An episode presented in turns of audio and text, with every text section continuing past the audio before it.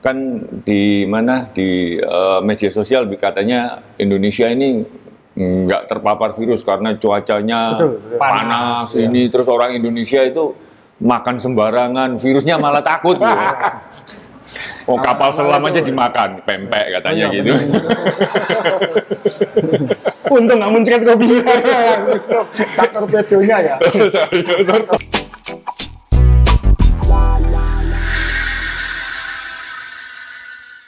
Teman-teman, kita kembali ke podcast Main Sepeda. Tidak terasa episode ke-26 dan kita ingin terus mengeluarkan tema-tema yang yang ada kaitannya dengan medis. Jadi eh, dua pekan lalu dengan dokter tulang belulang, eh, pekan lalu dengan dokter, jantung. bedah jantung. Eh, jadi sudah bicara tentang treatment pasca kecelakaan, lalu bicara tentang kesehatan jantung, dan sekarang kita bicara tentang sesuatu yang mendominasi hidup kita mungkin dalam Setahun. hampir setahun ya, Hampir setahun. hampir setahun, hampir ya, setahun mulai Ya. Maret ya. mengenai tentunya COVID-19 tentang virus corona ini dan eh, moga-moga nanti ini temanya bukan untuk menakut-nakuti. Kata cukup takut dengan dokter tulang, jangan yang ini.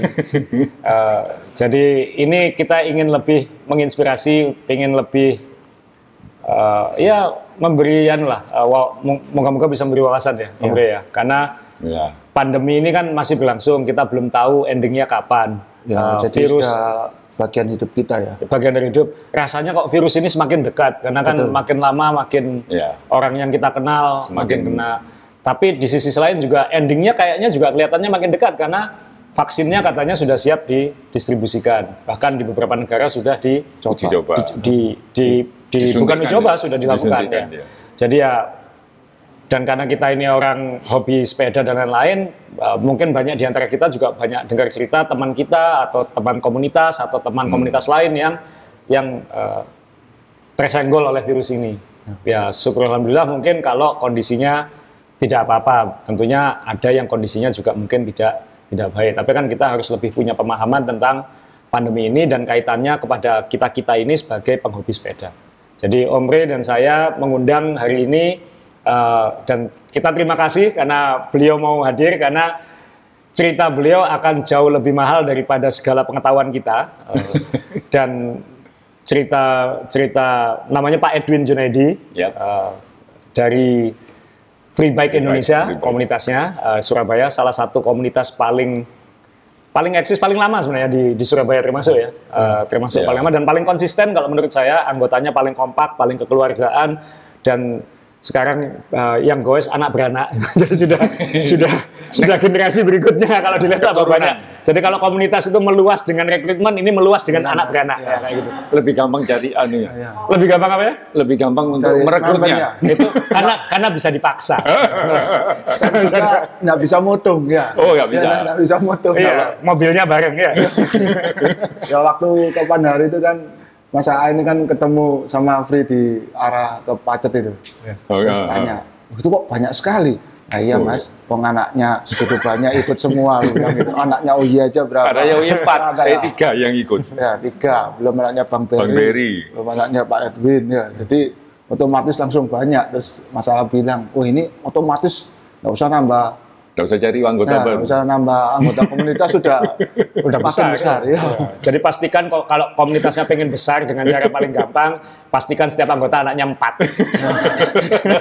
Tinggal dikalikan. Iya, Karena kan kalau komunitas besar nanti pecah, berantem, Iya. banyak kemauan. Ini kan enggak, kan mau nggak mau harus nurut anaknya semua kan ya gitu ya. Dan nggak boleh ibunya. pecah. Dan dan istrinya, dan keluarganya. Jadi kalau dilihat, uh banyak sekali ya sekarang. Ternyata anak-anaknya udah besar. Itu juga jangan ngingetin Om karena dulu waktu pertama ketemu Pak Edwin anaknya masih kecil-kecil sekarang. Kita semua anaknya udah besar-besar. Menunjukkan anu, usianya. Usia. Khusus yang itu nggak boleh dibahas di podcast. Karena dia mengakunya masih 20-an. 20 plus plus. Kali dua. ya, jadi ya, yang kita undang Pak Edwin karena kebetulan beliau termasuk yang pernah Terpapar. terpapar eh, Sinar matahari bukan? beliau kebetulan yang pernah apa ya eh, berhubungan langsung dengan virus. Seperti itu. Jadi eh, waktu yang saya syukuri Pak Edwin. Jadi waktu Iya. eh, Pak Edwin waktu itu positif, kemudian teman-teman komunitas Pak Edwin eh, saling komunikasi komunikasi dengan komunitas yang lain termasuk Iya. komunitas kita itu tidak ada kepanikan. Jadi sangat dewasa, gitu. sangat dewasa. Dalam artian Terima kasih. eh, waktu itu kita harus terima kasih pada Bang Berry ya karena Iya, Bang Berry iya. yang eh, Bang Berry itu eh, komunitas free juga itu menghubungi saya juga komunitas kita eh, ada situasi seperti ini teman-teman yang anu tolong dicek aja tapi ini pokoknya tidak perlu kita ya, ya, ya. Sebetulnya memang tidak boleh panik. tidak boleh panik, tidak boleh menyebutkan apa-apa dan ya kita semua menyadari bahwa ini seperti lotre mungkin kalau kalau Ya. saya bilang sekarang kita nggak pernah tahu kita sudah preventif atau apa juga tetap bisa Kena. terpapar. Jadi eh, yang paling penting waktu itu adalah Pak Edwin nggak apa-apa kan gitu. Terus kemudian beberapa hari kemudian saya lihat di Strava kok masih anu berarti nggak apa-apa ini kayak gitu.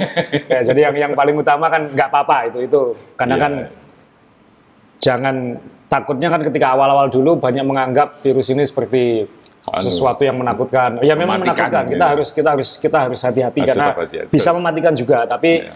eh, tidak boleh over reaction lah kayak gitu. Dan kita bersyukur sekarang Pak Edwin bisa sharing dengan kita gitu. Karena menyampaikan pakai cerita itu menurut saya lebih efektif daripada menyampaikan teori dan menyampaikan ya, eh, setuju. pakai apa ya kalau mohon maaf ini kalau dokter menjelaskan kadang-kadang orang sudah langsung apa ada Anu. antara takut atau eh, macam-macam tapi kalau Galau, bikin galau. Iya bikin galau. Kalau kalau bercerita kan lebih enak ya Om Ria.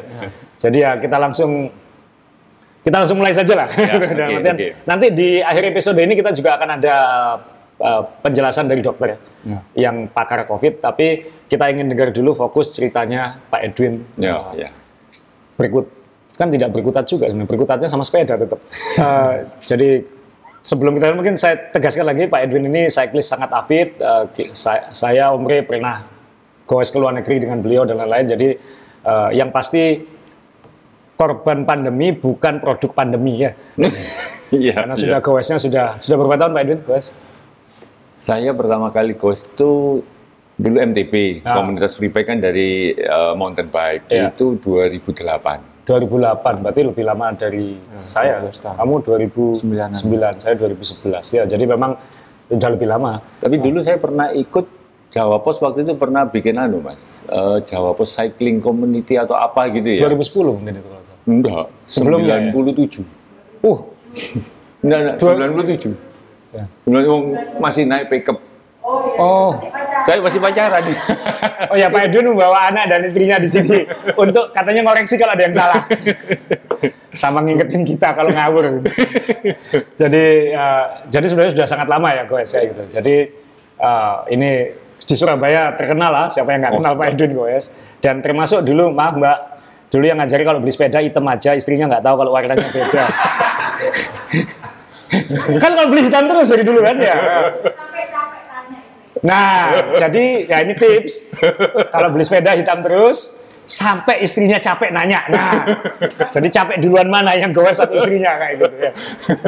Itu Pak Edwin. Nah, ini orangnya ada di sini. Nah, Pak Edwin kan Ya. eh, komunitas free ini kan sangat rutin gowes ya. Eh, seminggu saya lihat sampai ada hari lari juga sekarang kayak gitu. Iya. Jadi sehari gowes eh, seminggu berapa kali rata-rata? Eh, tergantung siapa mas. Kalau OY tujuh hari goesnya bisa 10 kali sih. Iya, yang normalnya, yang normalnya, yang normalnya. Kita eh, kalau hari Senin kita sebetulnya off Ya. karena ya masa tiap hari kita harus punya waktu dengan keluarga. Ya. Tapi OY tetap lo off lapo pak. Jadi, lah terus tapi apa? Hayu yuk. Jadi Jadi ditambah aktivitas ya. tambah aktivitas lari. Kalau Selasa eh, kita anu sih biasanya cuman rute-rute ngelup, istilahnya ngelup aja. Kalau dulu ngelup di Royal, sekarang di UC. Rabu dan Sabtu kita nanjak, memang ke gunung. Eh, Kemis kita juga nyantai lah ngelup. Nah, sejak ada sejak waktu itu eh, Suramadu bisa lewat, Ya. Jumat jadinya Suramadu. Suramadu Bangkalan. Oh.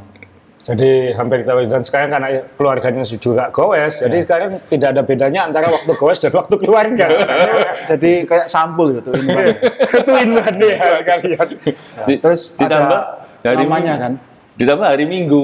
Hari Minggu kita kan an- sekarang kan anak-anak ikut, Ya. Is- istri sudah lama ikut sih, Ya. tapi dengan adanya anak-anak ikut, Minggu ya waktu keluarga pergi. Kalau sekarang istilahnya dari mama-mamanya itu bilangnya odong-odong. Odong, ya. Nah itu hari Minggu. Nah, sekarang kan eh, ini mungkin komunitas yang unik ya kalau menurut saya karena saya kenal banyak komunitas di Indonesia ya yang konsistennya loh yang yang yang saya paling salut itu karena ya tadi saya singgung di awal banyak komunitas itu besar besar besar kemudian pecah pecah pecah atau kadang-kadang juga ada perselisihan kayak gitu. Iya. tapi yang namanya free bike Indonesia ini konsisten ya sekarang anak beranak jadi ya mungkin resepnya ya kayak gitu aja mungkin jadi eh, sampai hari ini pun kan juga rutin sekali kan ya waktu Masih. kita ketemu itu kan ya odong-odong itu juga Ini- kan maksudnya Iya. Anak mana enggak masalah ya? Hah? Anak yang anak mana nggak masalahnya kan itu yang besar apa yang kecil gitu masalah. Bukan, yang lain. kamu Bahaya yang kan mana itu. Nah, kan kan usianya kan enggak sama, Pak. Oh iya. Mungkin yang di Setuju. sebelah sana lebih gede, yang di sini lebih gede. kan. Enggak, tapi karena kan komunitas ini relatif eh, berangkatnya bareng, biasanya kan keluarganya usianya juga mirip-mirip kan ya? Enggak juga? Enggak juga mas. Enggak Enggak. juga. Anak saya sudah udah mulai kuliah. Ya, tapi kayak Anaknya Ray juga? Loh, padahal katanya usia 20. Iya. 20 kali dua tadi ya. Percepatan. Enggak sih kita kita sih kalau dengan anak-anak ya kalaupun ada yang apa itu yang baru mulai yang ini ya akhirnya akan ada yang jaga. Terutama kalau menurut saya yang paling telaten jaga itu Bang Berry. Oh iya, betul. Jadi diikutin, diikutin sampai finish. Hebat kalau Bang Berry.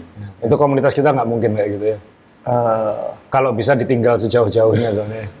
Kayak- Iya. Ya, ini kor- korbannya ini soalnya. Ya, Jadi, oke Pak Edwin. Jadi Ya. ketika awal pandemi itu kan waktu Ya. itu kita semua, saya kira semua komunitas eh, saling Anu. informasi ya dalam artian mencoba menerapkan protokol sebisa mungkin. Betul. Protokol itu tidak harus strict, tapi juga misalnya jangan goes dengan komunitas yang tidak Lain. dikenal.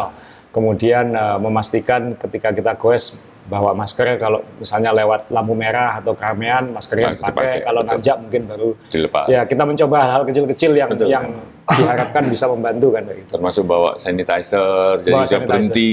Itu di, di teman-teman komunitas Pak Edwin kan juga melakukan itu kan. Iya. Jadi, wak- jadi waktu pertama kali pandemi itu kan eh, pasti pasti ada yang khawatir sampai hari ini kan ada juga yang nggak nggak goes keluar kan juga Ada. Nah, nah ketika itu ketika mulai kita juga sama lah kita kira-kira bulan pertama itu semuanya nggak keluar kira-kira Iya. kayak gitu. Tapi Betul. pada akhirnya kan nggak tahan juga Iya.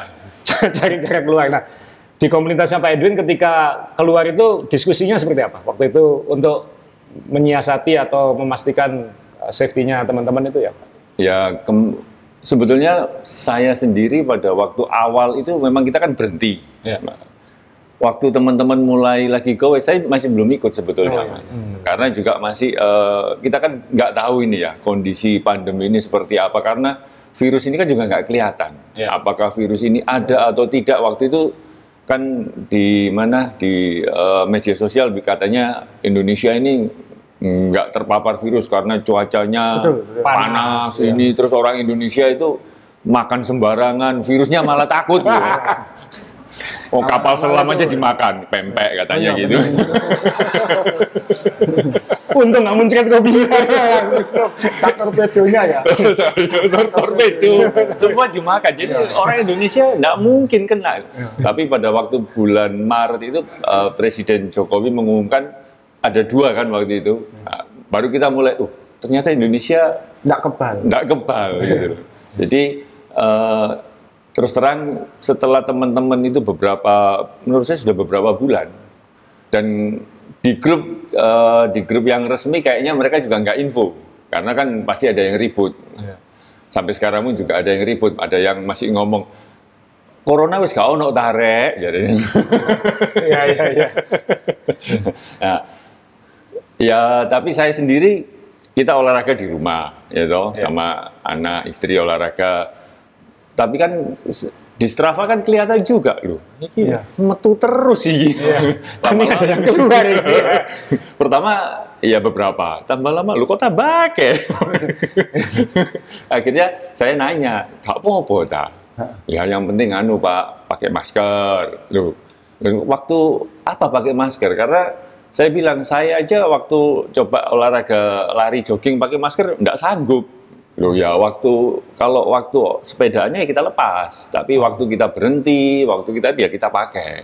Oh, terus akhirnya saya ikut nyoba. Oke sih aku ikut wis, ikut. Ikut itu dibilang "Oh, kenalin orang baru gitu. oh. ya wis lah, pokoknya oleh melok. Jadi beberapa mulai bulan berapa itu ya? Mungkin bulan lima enam kan? bulan Ya. lima enam Iya. itu. Bulan baru saya ikut lagi dengan komunitas untuk goes bareng. Jadi waktu itu ya setelah itu ya antara kitanya makin nggak peduli atau makin apa kan saya sendiri kan juga termasuk yang begitu kan. Awal-awalnya eh, waktu foto jaga jarak segala macam lama-lama juga yang penting kita kenal Lama-lama, siapa ya kita eh. jalan kayak gitu aja. Jadi ya saya sih syukur alhamdulillah mungkin masih masih aman sampai sekarang tapi ya kan kita nggak tahu situasinya Ya. seperti apa. Nah, tanda-tanda Pak Edwin terpapar itu awalnya seperti apa ketika kalau boleh tahu? Oke, jadi waktu itu saya ingat itu Agustus, akhir Agustus itu memang eh, merasa ada sedikit pilek. Jadi waktu pilek, ya memang waktu pilek saya berhenti. Saya berhenti, eh, kita, saya juga ngomong ke teman-teman, aku sih mandek sih lah soalnya pilek. Mereka juga ngomong, hati-hati pak, pilek, itu tanda-tanda. aku ngomong, kok itu gak, gak, gak memberi semangat, malah Menjatuhkan. menjatuhkan mental. Loh iya hati-hati pak. Itu, itu cyclist kan? Iya, iya. Iya, Betul, cyclist ya begitu mas. Orangnya kira-kira saya tahu itu. Ada dua, ada dua ya. ya. Ada dua. Dia korban juga ternyata. Kamu di komunitas mana-mana kok jadi bully-bulian? Nah, ini saya tahu yang di komunitas itu kan ada dua yang anu kayak apa? Kayak jurkam gitu. loh. Iya, terus waktu saya eh, ya waktu saya berhenti saya tetap olahraga tapi ya tetap di rumah Swift kan sekarang lagi rame itu sejak pandemi Swift kan Iya. Wahoo inden padahal dulu Wahoo Wahoo kayak apa sih coba aja pak dulu Nah, kalau sekarang Wahoo inden pak kayak anu kasih DP dulu ada periode kita sebulan dua bulan tuh semuanya indoor gitu kan ya. Iya. Dan ketemuannya di avatar gitu. Ya, di avatar, betul, betul. Nah, ya, saya olahraga sendiri di rumah. Uh, setelah beberapa saat merasa sudah agak eh, apa itu agak seger. Kita juga anu, satu rumah juga rapid, Ya. beli alat rapid itu. Ya. Ya, ya hasilnya kan selalu yang apa itu eh, apa ya, negatif itu ya. Nah, kita selalu lakunya negatif. Terus akhirnya merasa badan saya sudah agak enakan, ya saya ngomong, eh aku gabung mana? Nah, ikut sepedaan. Ikut sepedaan lagi itu tanggal 2 September kalau nggak salah. Saya ke Pacet, uh, free bike ke Pacet. Ya. Waktu ke Pacet itu, nah, pulang dari Pacet itu mulai banyak yang ngomong, loh, Pak Jun kan sakit pilek. Kok wis metu maneh? Ya sudah, uh, OY juga ngomong, wis Pak, tes soai. Oke oke, bisa tak tes. Aku lu tes rapid itu wis negatif. Wis tak tes la- laboratorium ya, serologi. Ya. Saya juga merasa yakin, us kena panas, Ya. olahraga. Ya. Harusnya virus juga Menjauh. takut Ya. deket-deket sama saya karena di sini ada pembunuh virus kan gitu. Iya, iya. Tapi ternyata waktu saya tes serologi IgM, ya kita kan tidak punya pengetahuan di situ ya. I- IgM-nya negatif, non reaktif, IgG-nya reaktif. Karena IgG-nya di atas satu. Kan IgG itu di atas satu reaktif, IgG saya waktu itu 16, 16 atau 14 gitu. Oh, kaget juga. Ngomong sama istri, Han, reaktif ya? Waduh. Ya, mulai anu, mulai drop ini mas, Iya. mulai drop. Ya sudah, wis, wis ya apa? Ya udah aku tak anu aja, karantina sendiri aja dulu. Besok aku tak swab. Oh. Jadi saya karantina di kamar di kamar sendiri, Jadi keluarga keluarga ya di kamarnya masing-masing, tapi saya keluar Iya. dari kamar kamar saya. ya. Besoknya saya eh, swab di PHC. Ya. Ya, Kan swabnya eh, malamnya langsung ke- ke- keluar hasilnya positif. Wah, tambah down lagi. Akhirnya saya ngomong ke teman-teman juga, "Is aku tak karantina dulu karena ternyata hasilnya positif." Ya. Mer- mereka juga kok iso pak dari mana ya nggak tahu Nggak tahu, ya. tapi aku saya bilang itu hari Sabtu saya bilang minggu minggu nggak bisa senin akhirnya saya putuskan sudah satu rumah harus swab ini karena kan nah, satu rumah pas waktu itu memang kita menjalankan protokol tapi maksud saya itu kalau kita pakai masker terus di dalam rumah kan juga Nah, enak. pengap gitu. akhirnya ya kadang-kadang kita lepas. Ya manusia mas dilepas kok enak yo. Yo gak dipakai mana. Nah, hari Seninnya saya swab semua satu rumah. Hari Senin sore ke- ketahuan bahwa negatif semua. Jadi satu rumah itu sampai ke pembantu termasuk pembantu istri? anak pembantu as- asisten rumah tangga semua. Sopir negatif semua. negatif padahal saya eh, kalau keluar ke kantor ya sama driver Iya.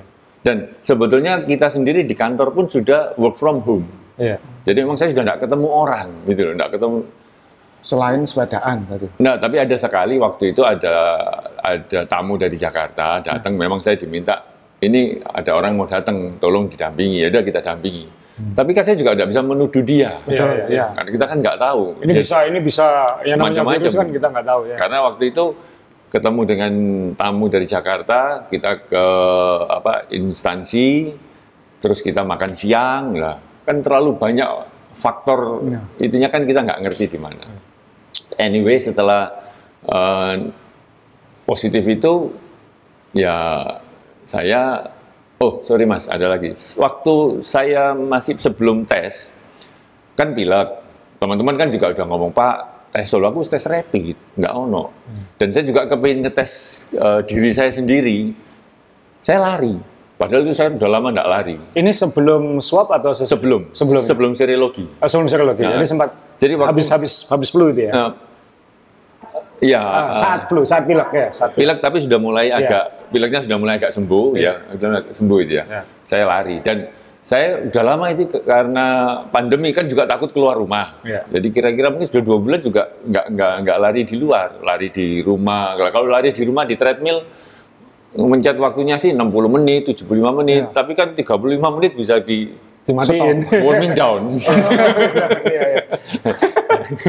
saya coba keluar, keluar. Kok rasanya malah enteng badan saya itu waktu lari dan lari waktu itu satu jam lebih. Memang saya push, waktu itu saya memang push karena saya merasa bahwa penyakit ini berhubungan dengan pernafasan. Benar. Nah, harusnya kalau saya ini terjangkit dan parah, pasti sesek saya. Iya. Tapi ternyata enggak, malah lebih karena mungkin exciting ya. Iya, iya.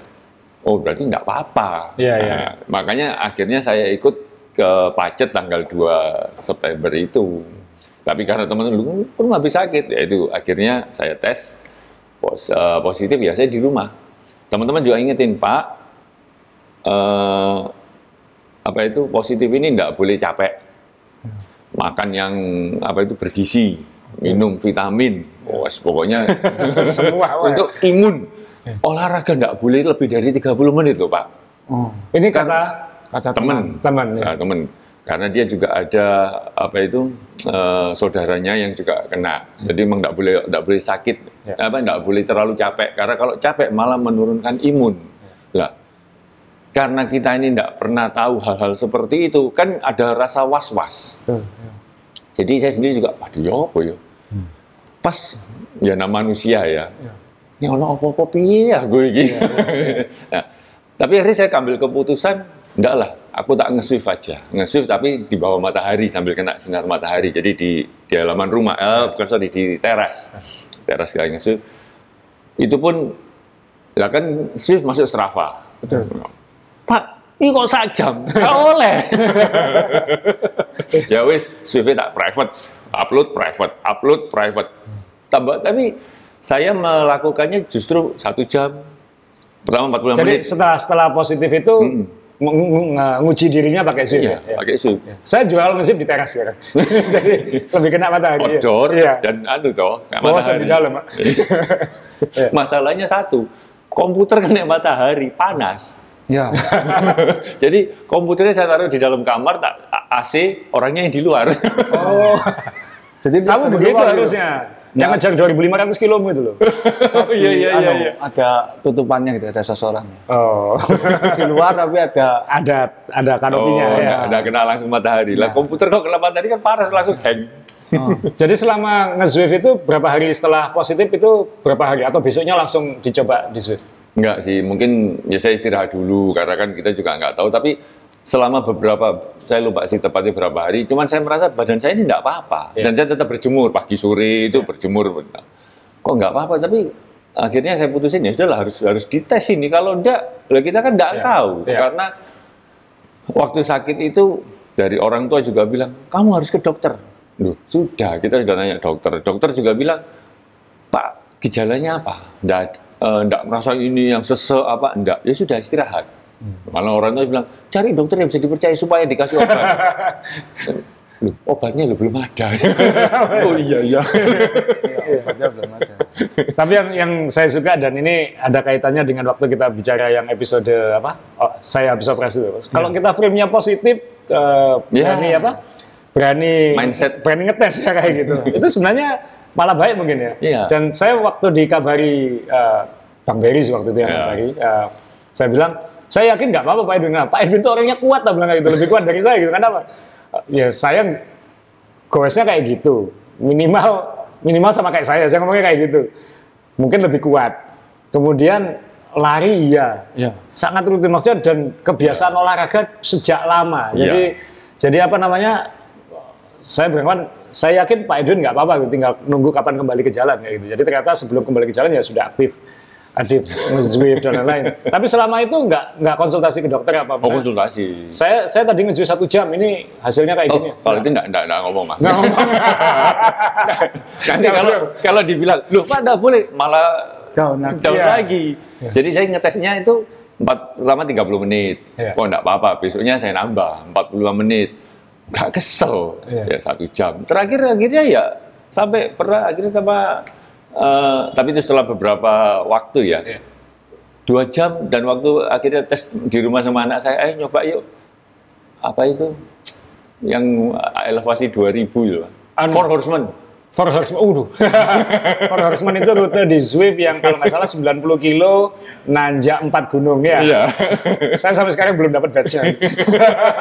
Pak Edwin sudah saat COVID. Nah, Sudah dua, dua kali dua kali. Four Dan itu nggak apa-apa. Enggak apa-apa. Hmm. Jadi eh, akhirnya saya mengambil kepu- mengambil kesimpulan dari diri saya itu bahwa ya menurut saya dengan memang kita tetap harus hati-hati, tapi kita tidak boleh hat- berhati-hati terus tidak melakukan apa-apa. Karena obatnya juga nggak belum ada kan. Jadi saya tetap minum vitamin iya, berjemur iya, makan makanan sehat iya. Dan enaknya sih waktu itu. Ya. Yang satu grup itu kirim makanan. Iya.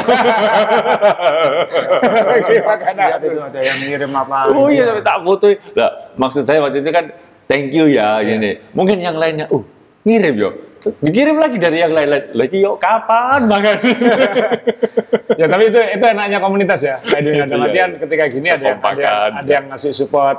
Eh, ya ini moga-moga komunitas eh, pendengar semua juga bisa kayak gitu positif dalam Padahal menyik- saya enggak sakit dikirimi makanan enggak apa-apa. Nah itu supaya kamu tetap di belakang kan katanya kamu asuransi jiwa. Kalau ada kamu kamu paling belakang. Gitu. Jadi untuk menjamin kamu paling belakang dikirimi makanan terus.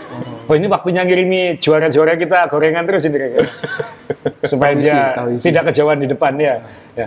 Nah kemudian Pak Edwin Ya. berapa hari setelah eh, kan eh, swab lalu positif lah berapa hari kemudian eh, tes lagi? Eh, dua minggu. Kan minggu. waktu itu kan memang eh, proseduralnya secara medis kan dua minggu. Ya. Dan dua minggu itu setelah saya tes lagi ternyata juga masih positif. Loh masih positif masih positif. swab itu. Swab. Walaupun eh, ang- kan ada angka indeksnya itu mas. Ya. Jadi kalau indeksnya di atas berapa kan sudah negatif. Ya. Oh. Indeks saya itu sebetulnya dari kalau nggak salah awal indeksnya itu 45, eh, Ya. katakanlah 45 gitu ya. Waktu awal itu 30 sekian. Berarti kan memang lah. Yang berikutnya itu sudah di atas 40 indeks saya. Jadi Sudah tinggal udah nyenggol garis gitu ya. Iya. Nah Eh, kemudian tes yang benar-benar negatif itu setelah berapa lama? setelah tes ketiga. Tes Jadi ketiga setelah tes itu ketiga berapa hari itu setelah tes kedua? Ya, saya sih ambil apa itu ambil jalan amannya ya dua minggu lagi, dua minggu kemudian. Oh, jadi sempat satu bulan ya waktu itu ya? Iya satu bulan. Dari teman-teman. Eh, iya, jadi emang selama bulan September itu saya memang off, nggak keluar rumah. Karena kan ka- karena saya banyak pelajari liga-liga olahraga di luar negeri sekarang kan tidak seperti itu kan, Iya, dua betul. minggu. Jadi eh, saya beri contoh aja kayak misalnya kalau NFL di Amerika itu pemain-pemainnya memang tiap hari dites. Iya. Dan kalau ada yang positif dia empat hari dites. Jadi dan kalau empat hari sudah negatif, kemudian besoknya dites lagi negatif sudah boleh main. Jadi nggak sampai seminggu sudah Sudah bisa aktif lagi. lagi kayak gitu. Jadi memang karena Pak Edwin bulan September ya waktu itu masih Iya. dan di sini mungkin masih Sedang Nah, waktu anu, itu hitungannya dua minggu, dua Ya. minggu. Jadi waktu itu dua minggu uh, uh, masih positif, jadi ya nunggu dua minggu lagi. ya, Padahal mungkin itu kalau dua hari kemudian mungkin juga sudah negatif mungkin ya. Nggak tahu juga ya. ya nggak tahu juga. Buat saya sih juga biar bisa work from home terus. Iya iya. iya. Nah ini saya juga maksudnya frame of mind-nya kan tetap positif itu, tetap tetap apa? uh, uh, tetap tidak apa ya, tidak seperti Jangan di, sampai down lah. diseret down ya kayak Iya. gitu. Nah itu yang saya nah, setelah satu bulan itu, tapi yang saya perhatikan yang kita perhatikan di Strava ya, Bro, ya.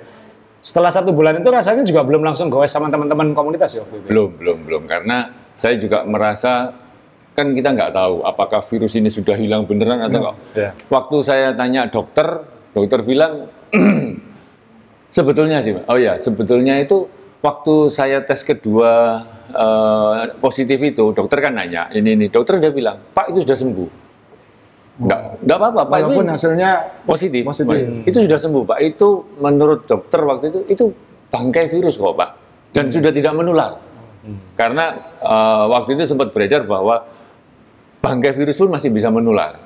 Saya bilang, loh dok, tahunya dari mana kalau itu sudah tidak menular? Dokternya nanya, sesak nafas enggak? Enggak. Batuk? Enggak. Pilek? Enggak. Pusing? Enggak. Ada gejala letih, lesu? Enggak. Dia bilang, saya sudah olahraga dok. Ya, ya sudah pak, berarti itu sudah sembuh. Sudah, Pak itu sudah normal di rumah. Apa, loh, eh, apa, Pak itu sudah bebas. Saya nanya, bebas ini maksudnya gimana dok? Apakah saya sudah boleh kumpul lagi dengan keluarga? Loh, kalau merasa boleh, kalau merasa yakin, ya enggak apa-apa. Menurut saya sudah selesai. Virusnya ini sudah selesai. Nah, anggota-anggota keluarganya bagaimana? Ya, saya tes lagi kan. Waktu itu negatif semua, dok. Ya, ya sudah, Pak. Terus saya nanya, sebetulnya waktu tes kedua positif itu saya nanya, dok saya perlu tes lagi enggak? Kalau tempat kerjanya membutuhkan, iya. Kalau enggak, enggak usah. Oh. Waktu itu dokter sempat bilang begitu. Makanya waktu waktu itu saya sudah dengan keluarga sudah apa itu ya sudah berkumpul lagi. Nah, saya nge-shift yang Four Horsemen itu, Pak. Perayaannya, perayaannya pada itu, itu cyclist. Kalau merayakan sesuatu, cari yang paling susah kan ya itu. Ulang tahun ajak promo kan gitu ya.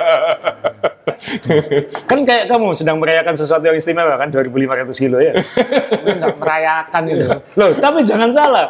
Banyak orang Positifnya- sudah nyumbang kan ya? Banyak orang nyumbang segala macam. Yang didukung tetap kamu, bukan yang nyumbang. Kamu yang sesara. Jadi Positifnya jadi, itu positifnya itu ya. Iya sih, iya. Ya kan saya lihat pace-mu juga kayaknya lewat lah 2.500 kilo kan. Bisa ditambah dikit- berarti? Iya, 3.000 bisa. kan misalnya oke lah, begitu tembus 2.500 kita rayakan dengan sehari 300 ya gitu kan ya.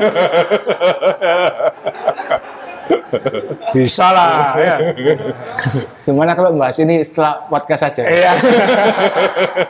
Nanti jangan saya lama-lama nggak kena covid tapi kena lever. Oke, kembali kembali ke tema. Kasihan Om Bre. Eh, Pak Edwin, jadi waktu Ya. dua minggu pertama itu sama keluarga juga membatasi ya, maksudnya di dalam Oh iya. kamar terus ya. Ya, di kamar jadi makanan apa ya kayak ya sudah taruh meja, makanan taruh depan pintu. Tapi Piring, alat- eh, kan ada yang bilang kalau kalau salah satu efeknya adalah tidak bisa merasakan makanan atau mencium bau kan kayak gitu. Iya. Kebetulan yang paling populer itu. enggak sih, tetap masih terasa kok. Iya. Sate itu masih terasa. Jadi ya suka positif banget.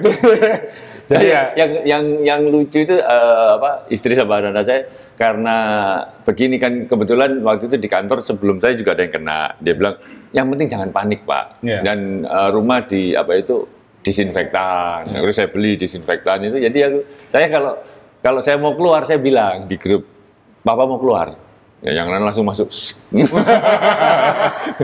saya jalan, saya bawa itu eukaliptus itu loh mas. Iya. Semprotan. Jadi saya lewat, lewat sambil mundur.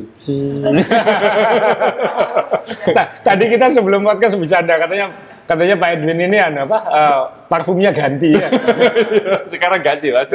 Sekarang nggak perlu pakai- Bulgari lagi. Tidak perlu pakai Bulgari, sekarang pakai Minyak kayu putih. minyak kayu putih.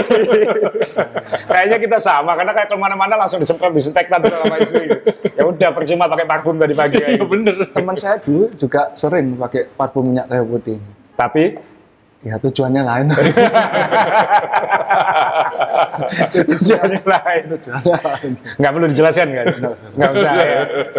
Supaya sehat, supaya sehat. Supaya sehat, supaya sehat. Oke, Oke, Pak Edwin, begitu Ya. kembali akhirnya keputusan eh, ini kita sudah mulai eh, sudah mulai normal ya, dalam Ya. artian sudah negatif, eh, sudah force assessment dua kali, kemudian akhirnya yang saya lihat waktu itu gowesnya kan sempat sama anaknya doang Iya. kalau di Strava. Nah, proses kembalinya ke komunitas itu bisa diceritakan kalau misalnya tidak keberatan kan apakah ada teman-teman di komunitas yang ya atau mungkin bukan teman di komunitas tapi dari luar komunitas yang seperti apa kayak gitu saya kira kalau saya perhatikan dari luar sih smooth smooth aja kayak gitu Ya, ya enggak. Ya memang sih pada dan juga pada waktu saya sempat kan saya ngomong itu di grup, uh, terus saya juga minta tolong Bang Ferry Bang, tolong yang pada waktu itu ikut ke Pacet ya tolong suruh tes semua Ya. supaya tahu. Karena dari eh, Pak Rudi, Pak Rudi ketua juga bilang kamu info di grup loh, karena jangan sampai nanti tiba-tiba orang, duh aku kena covid tuh gara-gara aku pernah sepedaan sama Pak Edwin ini, nggak ngomong, ya. mending ngomong kok. Nah, makanya itu saya saya beritahu eh, lewat grup dan saya minta tolong teman-teman untuk kasih tahu yang lain-lainnya kan saya juga nggak kenal, nggak nggak punya mereka nomornya mereka satu persatu. Nah, setelah itu, setelah saya tes negatif, saya sudah bilang ke teman-teman, aku wis negatif. Cuman saya juga mau jaga supaya eh, saya juga nggak mau nantinya jadi ya itu tadi mas. Ya memang negatif, tapi masih membawa virus ini. Jadi akhirnya Walaupun saya bangkai putuskan, itu. nah bangkai virus itu tadi kan, saya putuskan sama anak saya, sudah saya bilang, B, kita sepedaan dulu aja. Nggak tahu berapa lama, saya bilang. Pokoknya sampai ya sampai mereka mereka menurut saya teman-teman saya sendiri di komunitas juga harus eh, siap. Dalam arti siap itu pikiran mental dan pikirannya harus siap. Karena kalau nggak siap mereka merasa wah pilek. Waduh kemarin sepedaan bareng Pak Edwin. Kan saya juga nggak enak gitu loh. Jadi, jadi, paranoid ya.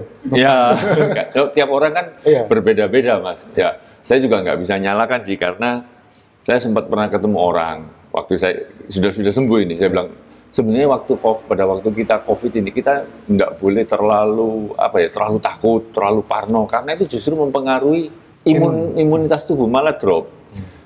Ada yang jawab iya iya pak bener. Ada yang jawab tapi iya pak bisa ngomong begitu. Kenapa? Karena anggota keluarga anda tidak ada yang kena dan meninggal. Hmm.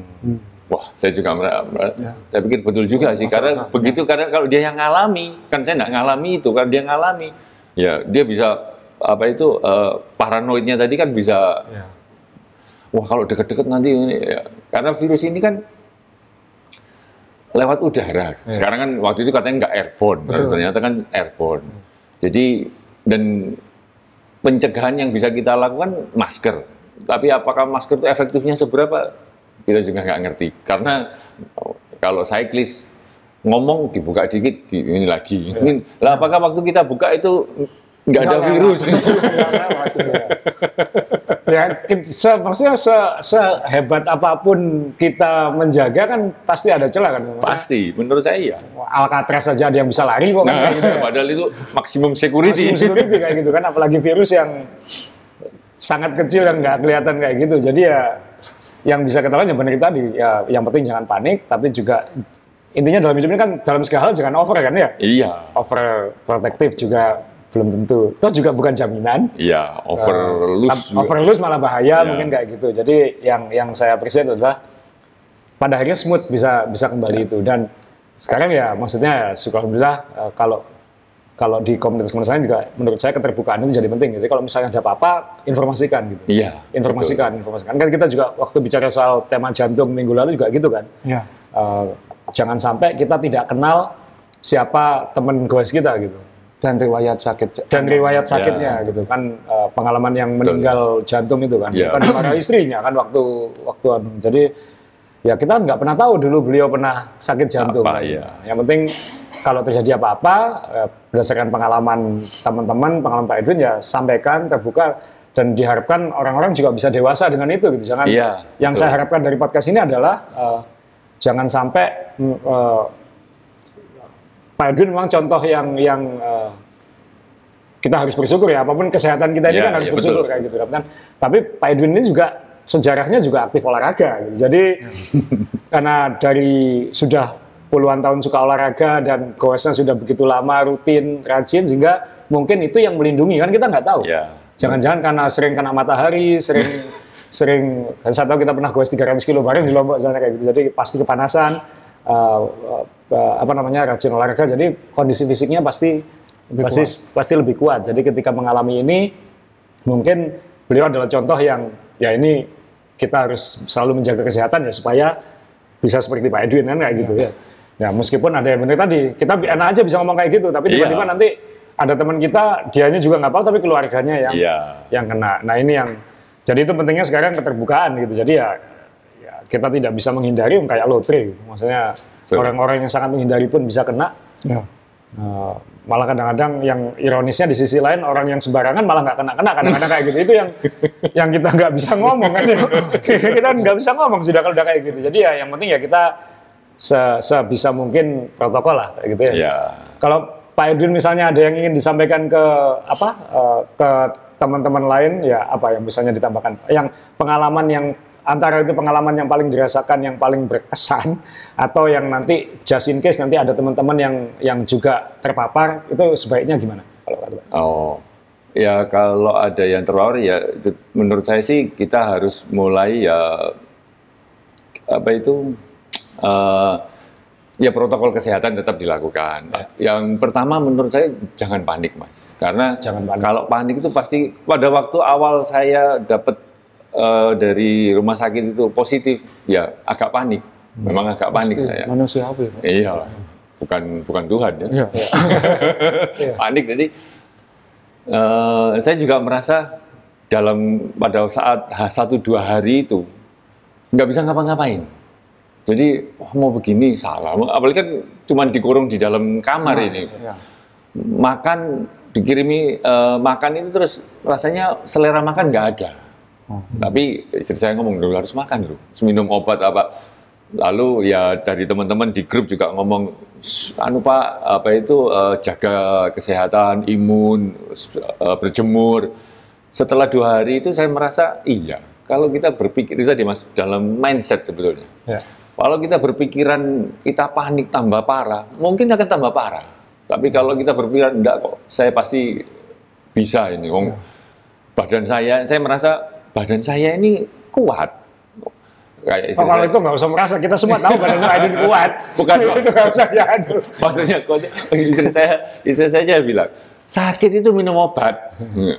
Loh, minum obat itu berarti tergantung sama obat. Kalau saya sakit, sepedaan. ya, sama Jadi sakit kalau- ini sebelum covid dulu. Mas. Pilek. Yung pilek gitu loh kok sepedaan. Pernah saya di sepedaan hujan-hujan Iya. waktu masih MTB ya.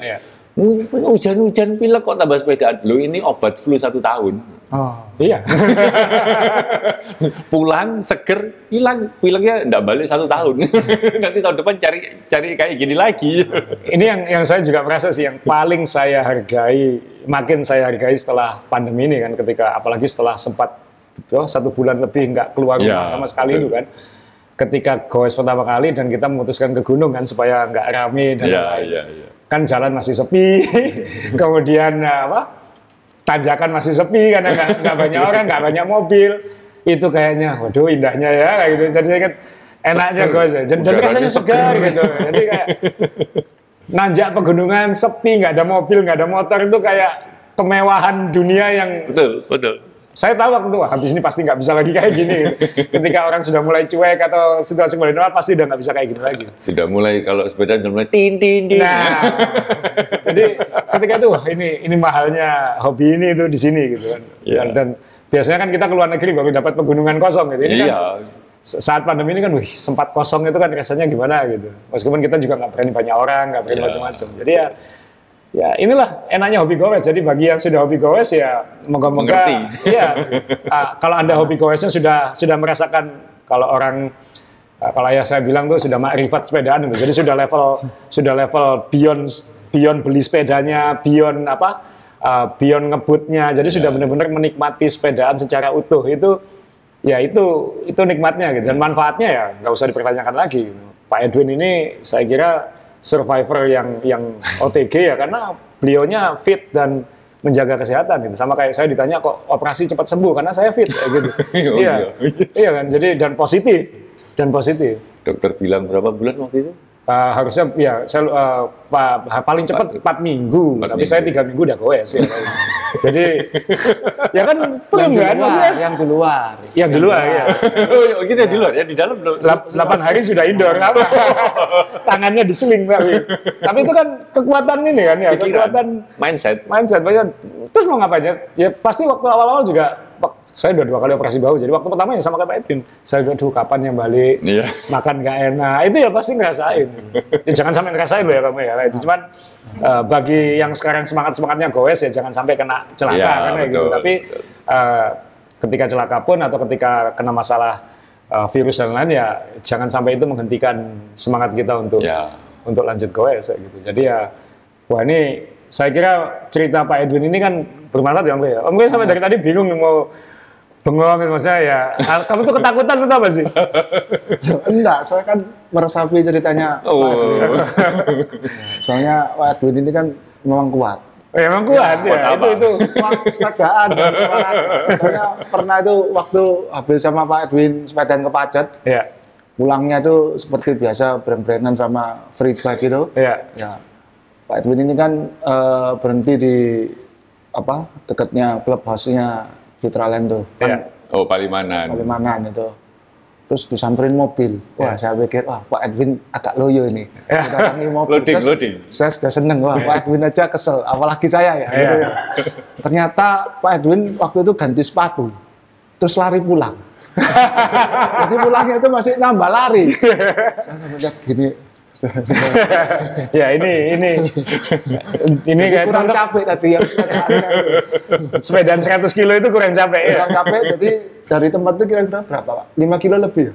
Delapan, tujuh delapan kilo ya. 7 8 kilo masih lari ke rumah. Padahal ada mobil di sini. Kamu kenapa nggak ikut? Lah, Aduh, saya kan nggak enak mau nunut itu. yang, yang punya mobil aja pakai sepatu lari kok saya nunut gitu. Akhirnya dipanjang lagi gitu. Akhirnya saya panjang lagi. ya itu ini yang di Surabaya sudah kenal Pak Edwin ya sudah tahu orangnya memang nggak bisa diem Pak gitu. jadi eh, olahraga apa aja dijalanin eh, dan dari dulu selalu positif ya orangnya selalu positif jadi kalau misalnya ada yang temennya yang berantem atau temennya yang argumen biasanya apain sih kan biasanya Pak Iya, Edwin kan tipenya kayak gitu jadi ya sekali lagi adalah selalu positif selalu semangat lah kayak gitu dan terus terus goes ini bisa menyelamatkan kita dari banyak betul, hal. betul, betul. Menyelamatkan Pak.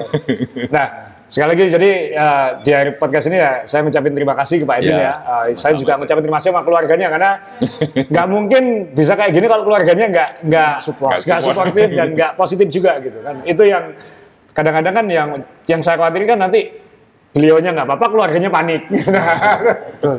Atau kadang-kadang kalau dianya panik, keluarganya nggak panik kan juga nggak apa-apa kayak gitu. Jadi, jadi yang penting harus ada positifnya kan. Jangan sampai negatif ketemu negatif kan kayak gitu ya. Jadi ya buat teman-teman yang goes yang lain ya moga-moga kita selalu dijauhi dari Amin. eh, dari virus ini ka- dan sampai nanti akhir eh, pandemi ini kita Ya. semua terhindar. Kalau memang kita terpapar dan kita tidak bisa bilang gimana ya karena ada yang mengatur dan lain-lain ya selama kita positif selama kita menjaga kesehatan ya moga-moga kita bisa seperti Pak Edwin gitu. Meskipun kita juga harus sedih mungkin ada beberapa yang kehilangan keluarga dan lain-lain ya mungkin tidak terelakkan. Jadi bukan berarti kita ingin bercanda di podcast ini. Iya, betul. tapi ya ada contoh positif gitu. Kalau ada contoh positif kan kenapa tidak di diikuti atau di minimal diresapi gitu. Nah, tapi kan kalau bicara soal kesehatan tanpa ada pendapat opini orang medis kan nanti kesannya Profesional, nanti ya. kita dikira hoax kita kan ya gitu ya. Jadi ya ini kebetulan kita ada teman uh, uh, Om Rey yang lebih kenal secara uh, pribadi uh, dokter yang sekarang sehari-hari berkutat dengan COVID, COVID. karena uh, dia bekerja di rumah sakit yang memang menangani urusan COVID, ini kayak gitu. Jadi uh, Om Rey mungkin bisa mengenalkan uh, Dr. Olive ya. Jadi nanti setelah ini uh, Dr. Olive akan menyampaikan uh, pendapatnya. Uh, khusus episode ini pembalap sombong kita masukkan lemari dulu karena uh, tidak boleh sombong uh, menghadapi pandemi ya kayak gitu. tidak boleh iya, iya, sombong. betul, betul, betul. Jadi pembalap sombong episode ini kita masukkan lemari dulu, tapi jangan khawatir karena episode setelah itu kita semua akan uh, bersenang-senang menyiksa pembalap sombong. Uh, seperti apa kita tunggu minggu depan, tapi di episode ini kita mengundang opini uh, Dr. Lip. Uh, Om Rey bisa memperkenalkan ya? Ya, eh, nanti itu ada sedikit cuplikan dari Dr. Olive S. spesialis THT. Dr. THT, Dr. Olive ini juga seorang cyclist. Oh, Jadi kita- juga ya? Goes juga, ya. Ya. Tapi ya tentunya, ya kalau dokter itu kan goesnya juga dengan apa ya? Protokol-protokol ya? Protokolnya kan ketat ya. Iya. Jadi beliau sering di rumah nge-swift dan Hmm. juga jarang keluar sekarang. Dan ketika kita undang pun uh, uh, Dr. Olive juga bilang "Sa- saya ini tidak mudah bisa langsung langsung ke acara atau apa karena dari rumah sakit dia harus ada protokol-protokol tambahan yang harus Ya. dia dia jalani dan itu kita harus respect lah karena orang-orang seperti ini kan garis depan Garis- sekarang garis- garis, depan depan. sekarang ini harus kita uh, proteksi dan lain-lain lah kayak gitu jadi uh, jadi setelah ini Dr. Olive jadi kita tutup podcast ini. Terima kasih Pak Edwin sekali lagi. Ya, terima kasih. Terima kasih terima Mbak. kasih. Keluarga. Jadi kita tutup uh, kita tutup podcast ini dengan uh, penjelasan dari Dr. Olive yang moga-moga bisa semakin bermanfaat lah buat pendengar ban sepeda. Jadi terima kasih. Terima kasih. Sampai ketemu minggu depan. Dok, ini sekarang kan pandeminya belum berakhir. Nah, sebagai cyclist kita ini kan masih suka keluar sepedaan. Nah, sebetulnya sepedaan di outdoor itu diperbolehkan apa tidak? Eh, sebenarnya kita harus menghindari kerumunan. Selama menghindari kerumunan, eh, kita di- kita diperbolehkan untuk sepeda outdoor dan tetap menjaga jarak, memakai masker. Eh, mungkin maskernya bisa disesuaikan ya. Jadi kalau misalnya dalam kondisi menanjak atau berpeleton, memerlukan oksigenasi yang asupan oksigen yang tinggi, mungkin bisa di eh, turunkan sedikit terus apabila berhenti dan berkumpul di titik kumpul mungkin bisa dihindari dengan menjaga jarak dan maskernya digunakan lagi serta eh, kalau bisa mencuci tangan. Nah, caranya mencuci tangan ini yang eh, mungkin bisa diakali dengan membawa hand sanitizer yang kecil diselipkan. Jadi kalau misalnya kita mau rencana makan atau minum mungkin sebaiknya dicuci tangannya dulu. Ya, kita memang nggak ada yang mau terpapar ya. Tapi kalau ada yang terpapar, sebaiknya harus bagaimana? Eh, COVID ini kan yang pertama adalah menyerang imunitas tubuh. Jadi yang pertama kali yang harus dilakukan adalah tetap tenang, jangan stres. Karena kalau kita stres otomatis imunitas kita akan turun ya.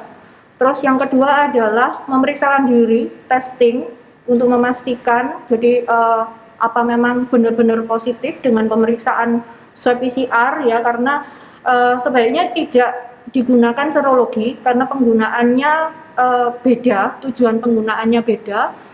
Eh, yang kedua adalah tracing. Kita kan tidak hanya ingin menyelamatkan diri sendiri, tapi yang penting komunitas kita juga. Jadi kita harus tracing eh, orang-orang yang terdekat kita, yang berhubungan, maksudnya berkomunikasi dekat dalam sekitar dua minggu terakhir. Dan yang selanjutnya untuk berobat. Jadi eh, COVID kan tergantung tingkat imunitasnya juga, tergantung gejalanya juga. Sebaiknya selanjutnya berobat sesuai dengan gejalanya. Kalau sudah dinyatakan sembuh, sebaiknya eh, kita sama bekas penderita COVID ini harus takut menjaga jarak atau bagaimana untuk orang yang baru terkena COVID itu sembuh terus jarak aman ketika dia kumpul lagi. Eh, COVID ini kan bukan suatu penyakit yang tabu ya. Jadi kalau sudah sembuh ya tidak perlu ditakuti lagi. Beliau sudah bisa berkomunikasi, bergumpul seperti biasa. Jadi nggak perlu terlalu ditakutin. Eh, justru kepercayaan yang menakuti COVID, penderita COVID yang sudah sembuh itu akan membuat orang-orang berpikir bahwa COVID ini aib dan mereka takut untuk memeriksakan diri. Apabila memang sudah terpapar, apa boleh uh, penderita COVID ini tetap melakukan aktivitas uh, olahraga seperti bersepeda? Apabila terpapar sebaiknya isolasi mandiri dulu sampai sembuh. Jadi uh, selain keperluannya untuk menghindari penularan, jadi kalau sudah terpapar kan beresiko menularkan ke teman-temannya. Uh, selain mengurangi resiko itu juga untuk uh, keamanannya penderita sendiri. Karena COVID ini terus terang gejalanya tidak bisa ditebak. Jadi kadang bisa bagus kadang ada beberapa uh, golong beberapa jenis COVID yang drop sekali walaupun kondisi badannya fit. Jadi uh, sebaiknya tetap isolasi mandiri dan mungkin kalau mau olahraga yang ringan-ringan seperti yoga atau yang low intensity di rumah, tapi lebih baik kalau istirahat dulu sampai sembuh. Makasih Dokter Olive atas keterangannya dan tambahannya supaya kita sebagai Skypris ini semakin mawas akan penyakit ini dan semakin paham. Apa sebelum ditutup, apakah ada pesan dari Dokter Olive untuk Cyclist dan untuk kalian lainnya? Pesan saya pandemi ini belum selesai, jadi tetap harus waspada, tetap jaga protokol kesehatan dan kita juga tidak perlu terlalu takut uh, apabila ingin melakukan bersepeda mungkin bisa tapi tetap harus menjalankan protokol kesehatan karena bersepeda juga penting untuk kesehatan kita dan menambah imunitas kita.